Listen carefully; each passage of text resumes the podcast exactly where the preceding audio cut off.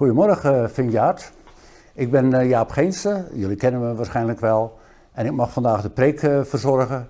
Ik heb de, de cursus gedaan, we hebben in deze gemeente is een cursus geweest, de Speakers Corner, daar hebben een aantal gemeenteleden meegedaan.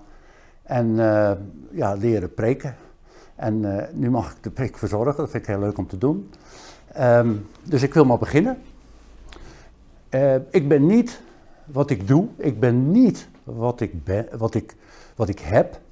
Ik ben niet wat mensen over me denken, wat ze van me vinden. Misschien ken je die slogan wel van Power of Power. Elke zondag is daar een dienst uh, op RTL uh, 5. En ik kom daar straks even op terug. Ik wil iets vertellen wat ik uh, heb meegemaakt op een vaderhadconferentie, nog een paar jaar geleden. Het ging natuurlijk over identiteit, het ging over wie je bent als zoon van de vader. En toen raadde die, die spreker aan om de film Princess Diaries te bekijken. Ik had geen idee wat het was, ik kende hem niet. Het is ook al een film die uh, nou, meer dan tien jaar oud is. Maar ik heb hem gekocht en bekeken en het raakte me erg. En ik zal proberen uit te leggen waarom. Het gaat over een meisje van 15 op een high school in uh, San Francisco. Gewoon, leeft gewoon haar leventje. Je ziet haar op een erectiestep door San Francisco gaan, op weg naar school. Ze heeft een spreekbeurt waar ze ontzettend tegenop ziet. Want spreken in het openbaar is helemaal niks voor haar. En uh, ze gaat naar school en op een gegeven moment uh, zien we een limousine langs rijden. En wat blijkt? Haar grootmoeder is in de stad en die nodigt haar uit om haar te bezoeken. Nou, ze komt bij die grootmoeder verbaasd, want het, is, lijkt wel een paleis waar ze in woont. En dan zegt die grootmoeder, nou gewoon de inleidende kennismaking, zegt ze, ja, ik moet je iets vertellen. En dat zal je wel verbazen. Nou, zegt ze, sinds ik het hoor heb gekregen dat ik een beugel nodig had, is niks erg meer voor mij.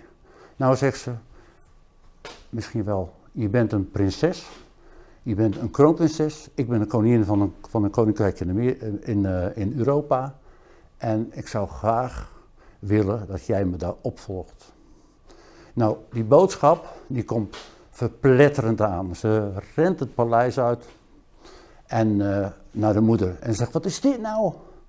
Nou, zegt zijn moeder: uh, Wilde je een gewoon leven geven?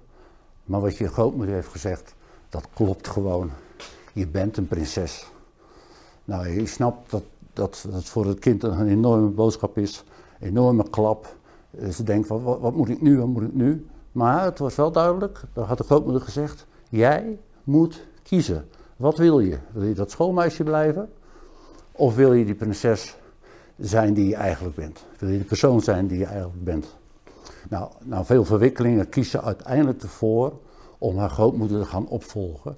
En ze komt er een heel proces van verandering. Ze moet leren zich te gedragen als een prinses, te denken als een prinses. Niet meer als een schoolmeisje, maar heel anders. Nou, dat raakte me, want ik dacht, ja, eigenlijk is dat bij ons ook zo. we, zijn, we worden geboren, we zijn mens en kijken naar anderen, hoe dat is. En dan komen tot bekering en dan zijn we, dan zien we, dan snappen we, dan lezen we in de schrift, we zijn een zoon van God. En dat is een, eigenlijk een veranderingsproces wat op dat moment, als je dat goed snapt, ingaat. Zoals dat meisje moest leren zien wie ze was, moeten wij ook leren zien wie we zijn. En hoe gaat dat dan? En hoe, hoe gaat dat veranderingsproces? Hoe, hoe leer je jezelf zien als zoon van God? En hoe ziet je leven dan uit? Nou, daar wil ik het uh, in deze preek over hebben, uh, aan de hand van een Bijbelgedeelte uit uh, Galaten. Tot zo. Ja, welkom, welkom terug. we gaan een stukje lezen uit Galaten, Galaten 4, vers 1 tot 7. Maar ik wil eerst wat achtergrond geven bij de Galatenbrief. Een interessante brief vind ik dat. Want eigenlijk heeft deze brief maar één duidelijk thema. En dat is, we zijn niet meer onder de wet. Keer niet terug naar de wet. Paulus die is daar erg scherp in. Hij zegt, gij uitzinnige gelaten, hoofdstuk 3 vers 1. Uh, gij dwaze gelaten, uitzinnige staat in de oude vertaling, vind ik een mooi woord. Gij uitzinnige gelaten, wie heeft u betoverd? Zo sterk is het. En zo, zo, zo, zo voelt Paulus het ook bij zichzelf. Hoe, hoe kunnen jullie die, die de geest hebben geproefd, die de vrijheid hebben geproefd, hoe kun je weer onder de wet scharen? En dat is interessant om te zien dat het juist daar in Galatië gebeurt. Nou, aardeskunde heeft niet iedereen in zijn hoofd. Ik zal heel kort even iets vertellen. Het gaat uh, over een gebied wat Paulus in de eerste zendingsreis bezoekt. Uh, dat is uh, Iconium, Lystra, Derbe en Antiochië. Dat zijn de vier steden die in Handelingen 12 worden genoemd. Daar gaat Paulus het evangelie brengen. En nou komt het bijzondere, in de tweede zendingsreis komt hij daar weer, maar nu met een bijzondere boodschap, met een brief. Hij heeft een brief bij zich. Die brief is geschreven naar aanleiding van de vergadering van apostelen. En die hebben besloten dat de heidenen zich niet aan de Joodse wetten hoeven te houden. Er zijn vier dingen die, waar ze zich aan moeten houden. Maar in ieder geval, ik ga er niet, eh, vanwege de tijd niet op in. Maar in ieder geval, ze mogen niet de heidenen besnijden. Want dat zou helemaal een teken zijn van het oude verbond. En met die brief komt Paulus weer in deze gemeente. En zegt, besnijdenis is niet voor de heidenen, het zijn Joodse wetten. Ze zijn vrijgesteld van, van die wetten, want ze zijn de vrijheid in Christus ontdekt. En dat is handelingen 14, handelingen 16, oh sorry, handelingen 18, komt hij nog een keer in Galatië. En toch, en toch, daar gebeurt dat de, dat de Joodse leraars komen en die zeggen weer tegen de gelaten, jullie moeten je houden aan de Mosaïsche wet, aan de Joodse wet. Nou, dus ondanks uh, het bezoek van Paulus, de overtuiging van Paulus, gaan ze toch weer terug naar de wetten. En in die context gaan we Galaten 4 lezen. Dat betekent dus dat, dat Paulus op allerlei mogelijke manieren probeert duidelijk te maken: we zijn niet meer onder de wet, maar onder de genade. We leven niet meer door het vlees, maar we leven door de geest. En ook dit stukje gaat daarover. En ik ga het nu met jullie lezen. Als je een Bijbel hebt, pak hem mee of de, of de mobiel. Galaten 4. Galaten 4, vers 1 tot 7. En omdat het zo duidelijk de drie punten die ik heb hierin weerspiegeld worden, noem ik ze meteen ook op. Ik zeg echter, zolang de erfgenaam een onmondig kind is, verschilt hij niets van een slaaf, hoewel hij heer is van alles. Maar hij staat onder voogden en beheerders tot het tijdstip dat de vader van tevoren heeft bepaald. Zo waren ook wij, toen wij nog onmondige kinderen waren, als slaven onderworpen aan de grondbeginselen van de wereld. Dat is eigenlijk het eerste punt. Onder wetten. We waren onder wetten. We waren een onmondig kind. We waren, als het ware, een slaaf. Ga ik verder met vers 4. Maar toen de volheid van de tijd gekomen was, zond God zijn zoon uit, geboren uit een vrouw, geboren onder de wet, om hen die onder de wet waren vrij te kopen. Letterlijk staat daar van de slavenmarkt te halen. Opdat wij de aanneming tot kinderen zouden ontvangen. Nu, omdat u kinderen bent, heeft God de geest van zijn zoon uitgezonden in uw harten, die roept, Abba, vader. Dus, nu bent u geen slaaf meer, maar een zoon. Tweede punt. Vrij van wetten, we zijn een zoon. En vers 7b, dan bent u, en als u een zoon bent, bent u ook erfgename van God door Christus. Punt 3, erfgenaam. Dus drie punten. Onmondig kind slaaf, zoon, of dochter natuurlijk. In de Bijbel betekent zoon eigenlijk ook dochter. En derde punt, erfgenaam. De titel van de preek, die gaat precies over deze drie punten. Namelijk, je verander de manier waarop je over jezelf denkt. Dus denk niet meer over jezelf als een onmondig kind die maar moet afwachten wat er gebeurt. En die eigenlijk niks te vertellen heeft en onder regeltjes moet schuilen. Nee, denk over jezelf als zoon. Als zoon van de Vader. als zoon van de Allerhoogste, als zoon van God. Dat is het doel, dat is de titel van deze preek en dat is ook het doel wat ik met deze preek heb. Hoe ga je dat leren? Hoe ga je dat toepassen? Hoe ga je dat terugzien in je leven? Nou, nu het eerste punt. Onder wetten, onmondigen, we hebben het net heel duidelijk gelezen, dat is ook wel soms mooi van de Bijbel. Hè? Soms heb je helemaal heel weinig uitleg nodig, omdat het al zo duidelijk is. Een onmondig kind is een kind wat opgroeit in het huis van zijn vader. En daar uh, eigenlijk de slaaf die, die hem verzorgt, die heeft eigenlijk dezelfde rechten als dat kind. En hij is eigenlijk wel heer over alles, maar hij oefent het niet uit. Nou, hier staat iets, uh, daar wil ik wat dieper op ingaan. Soms moet je eventjes iets met de achtergrond, iets met context doen, om het, uh, om het daarna beter te kunnen onthouden. En dat is het woord grondbeginselen van de wereld. Dus mensen die nog onmondig kind zijn, zijn onderworpen aan de grondbeginselen van de wereld. En als je goed de context hier leest, dan snap je dat het de oude wet is van Mozes, de tien geboden. En het kantelpunt ligt bij Jezus. Dan, uh, dan wordt het nieuwe verbond geïntroduceerd. Maar het oude verbond is eigenlijk onderworpen, dan ben je onderworpen aan de grondbeginselen van de wereld. En dat woord, omdat ik er zoveel mee bezig geweest ben, ken ik al het woord in het Grieks, stogaia. En ik noem het maar even, want ik kom er nog op terug. Dat stogaia uh, wordt vertaald in de MBV met machten van deze wereld. Soms helpt het om andere vertalingen te bekijken. Machten van deze wereld. De MBG, wereldgeesten. dan moet je denken aan, aan de tijdgeest. Uh, de wetten en regels die bij deze wereld horen, zegt de BGT. En de basisbijbel die zegt gewoon de wet van Mozes die God ons heeft gegeven. Nou, in deze context zou dat wel mogen, maar dat is niet wat er staat. En de King James zegt elements of this world. Elements of this world. En nou denk je misschien, en als je dit leest, dan is dat logisch, dat het alleen over Joden gaat, over Joodse wetten gaat, die uh, elements of the world. Je ziet dat ook in vers 9 van dit hoofdstuk. En er zegt, staat, en nu u God kent, hè, hij heeft tegen de gelaten, ja wat meer is door God gekend bent, hoe kunt u weer terugkeren naar de zwakke en arme grondbeginselen die u weer van voren af aan wilt dienen? U houdt zich aan dagen, maanden, tijden en jaren. Nou, hier herken je wel allerlei voorschriften uit Leviticus in. En misschien als je dat niet herkent, maakt niet uit. Dit gaat over Joden. Maar als je dan datzelfde woord tegenkomt in uh, Colossense, dan zie je een heel andere context.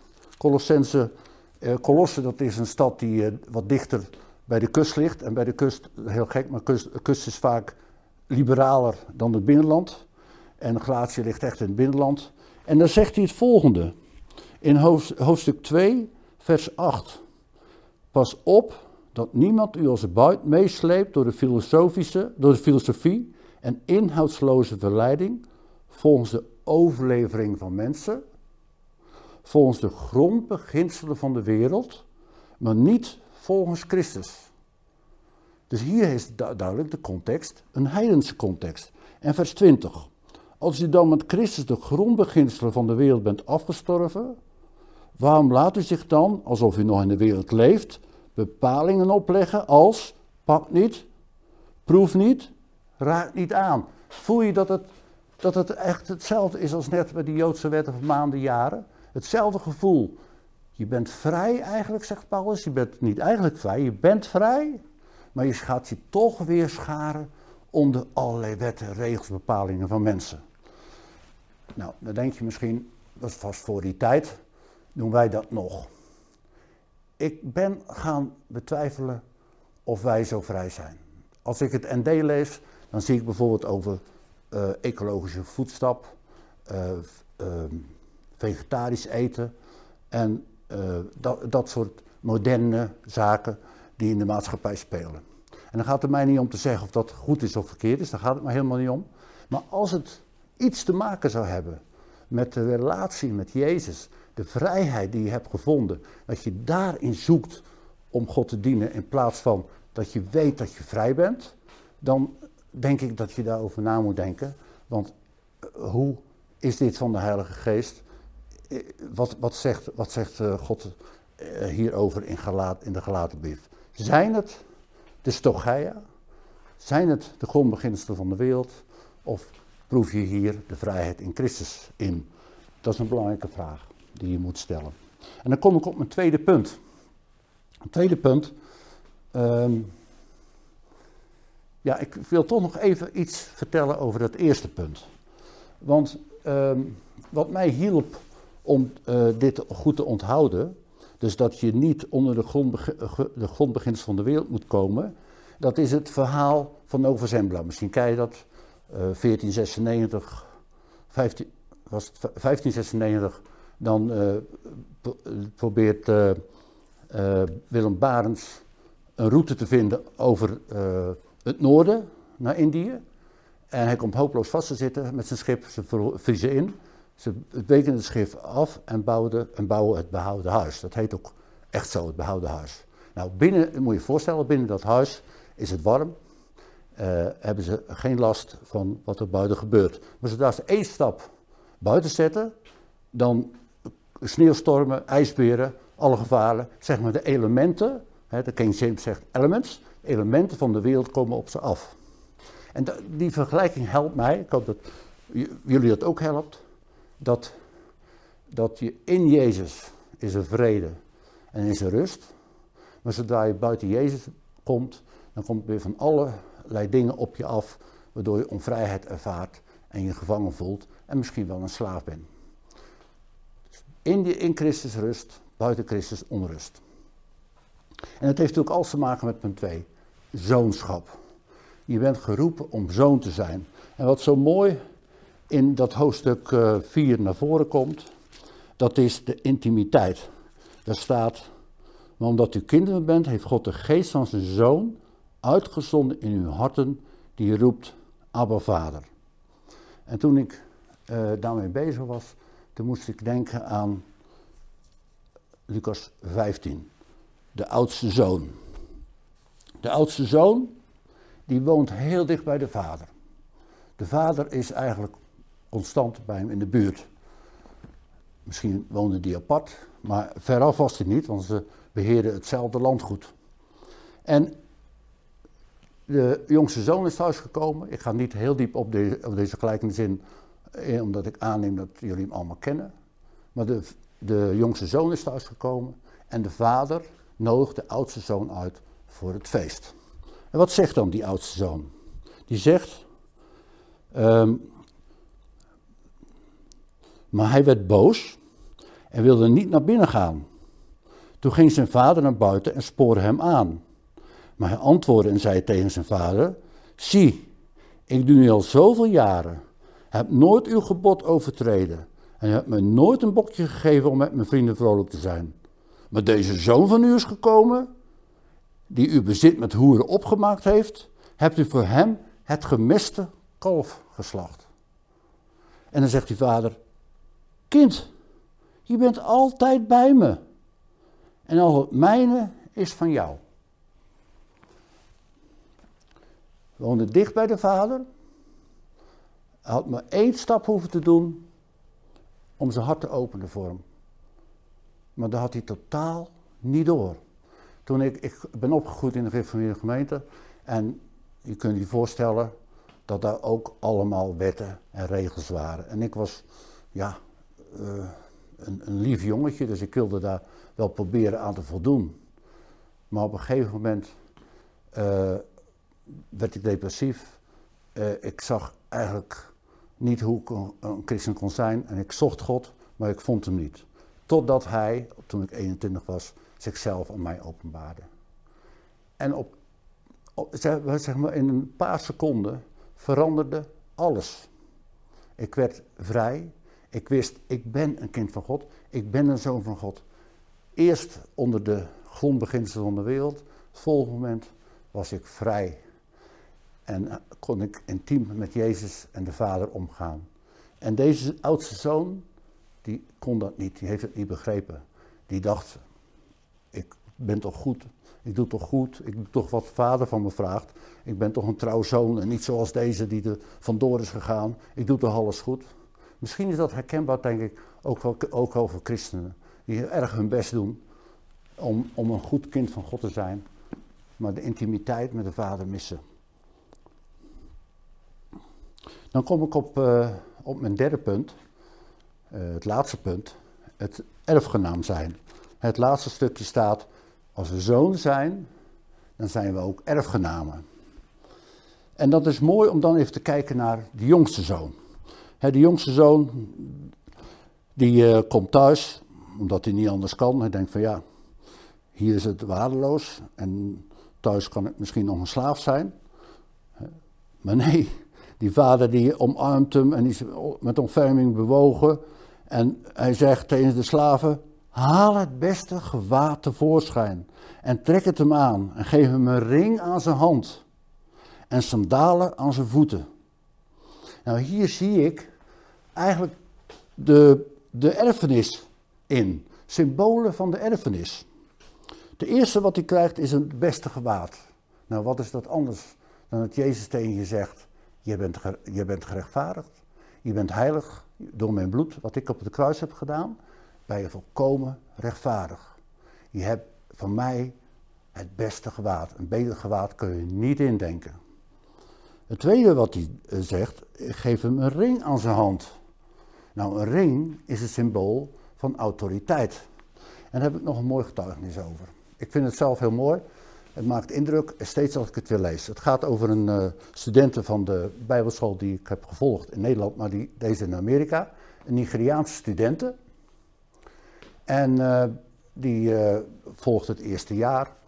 En na de les gaat ze naar de leraar, en dat is dan toevallig ook de directeur, Andrew Womack, en zegt van, ik slaap zo slecht en, en, en, het lijkt wel of de, of de demonen elke nacht me aanvallen. Ik heb gewoon soms bloed op mijn lichaam s morgens. En dan zegt me iets opmerkelijks. Hij zegt, ehm, jij geeft de Satan, geef jij macht door in hem te geloven. Ik snap het wel, je hebt een achtergrond in Nigeria waar Satan afgeschilderd wordt als een, als een heel groot iets, heel machtig iets. Maar Jezus heeft Satan overwonnen aan het kruis. Hij is, hij is openlijk tentoongesteld. Hij is van zijn macht ontdaan. Maar dat geloof je niet. Jij geeft hem toch nog weer macht die hij niet heeft. Nou, met die boodschap kan ze niks. Maar ze gaat verder en ze komt weer bij hem, nog een keer bij hem. En op een dag komt ze stralend naar hem toe en zegt: Ik ben vrij. Ik, ik slaap goed. Ik weet nu dat ik autoriteit ben, heb gekregen. En ik weet nu wie ik ben in Christus. Ik weet nu dat ik een zoon, een dochter van God ben. Alleen dat besef, dat ze zichzelf anders ging zien, niet meer onderworpen aan de stogaia. En stogaia wordt in sommige verklaringen ook vertaald als demonische machten. Niet meer onderworpen aan stogaia, maar nu ben ik vrij, omdat ik een zoon, een dochter van de Allerhoogste ben, van de Vader ben. Prachtig voorbeeld van de erfenis die je krijgt. En toen ik, en ik, toen ik hier uh, deze week over nadacht, toen dacht ik, eigenlijk kun je die hele erfenis samenvatten met één groot woord. Genade. Genade. Onverdiende gunst. Dat is wat de erfenis inhoudt. En dat betekent van alles. Dat betekent van alles. Wat je ook maar nodig hebt. Waar je ook maar tegenaan loopt. God heeft erin voorzien. Op Golgotha heeft hij een werk volbracht wat ons zegent, wat ons zegent en wat ons zegent. Er is geen beperking. De, de genade blijft maar onze kant op stromen. Ja, maar zal, zul je misschien zeggen, uh, ja, maar, ja, maar zonde, je hebt ook zonde in je leven. Hoe kan dan die genade blijven stromen als er zonde is in je leven? Ik snap dat, want ik heb zelf lang geworsteld met zelfveroordeling. En, en, en, nog is het een gevaar wat steeds opdoemt. Om jezelf niet goed te achten, jezelf te vergelijken met anderen en, en, en zonde bewust te zijn in plaats van Christus bewust. Maar eigenlijk roept de Bijbel constant op, voor God is in het nieuwe verbond zonde geen probleem meer.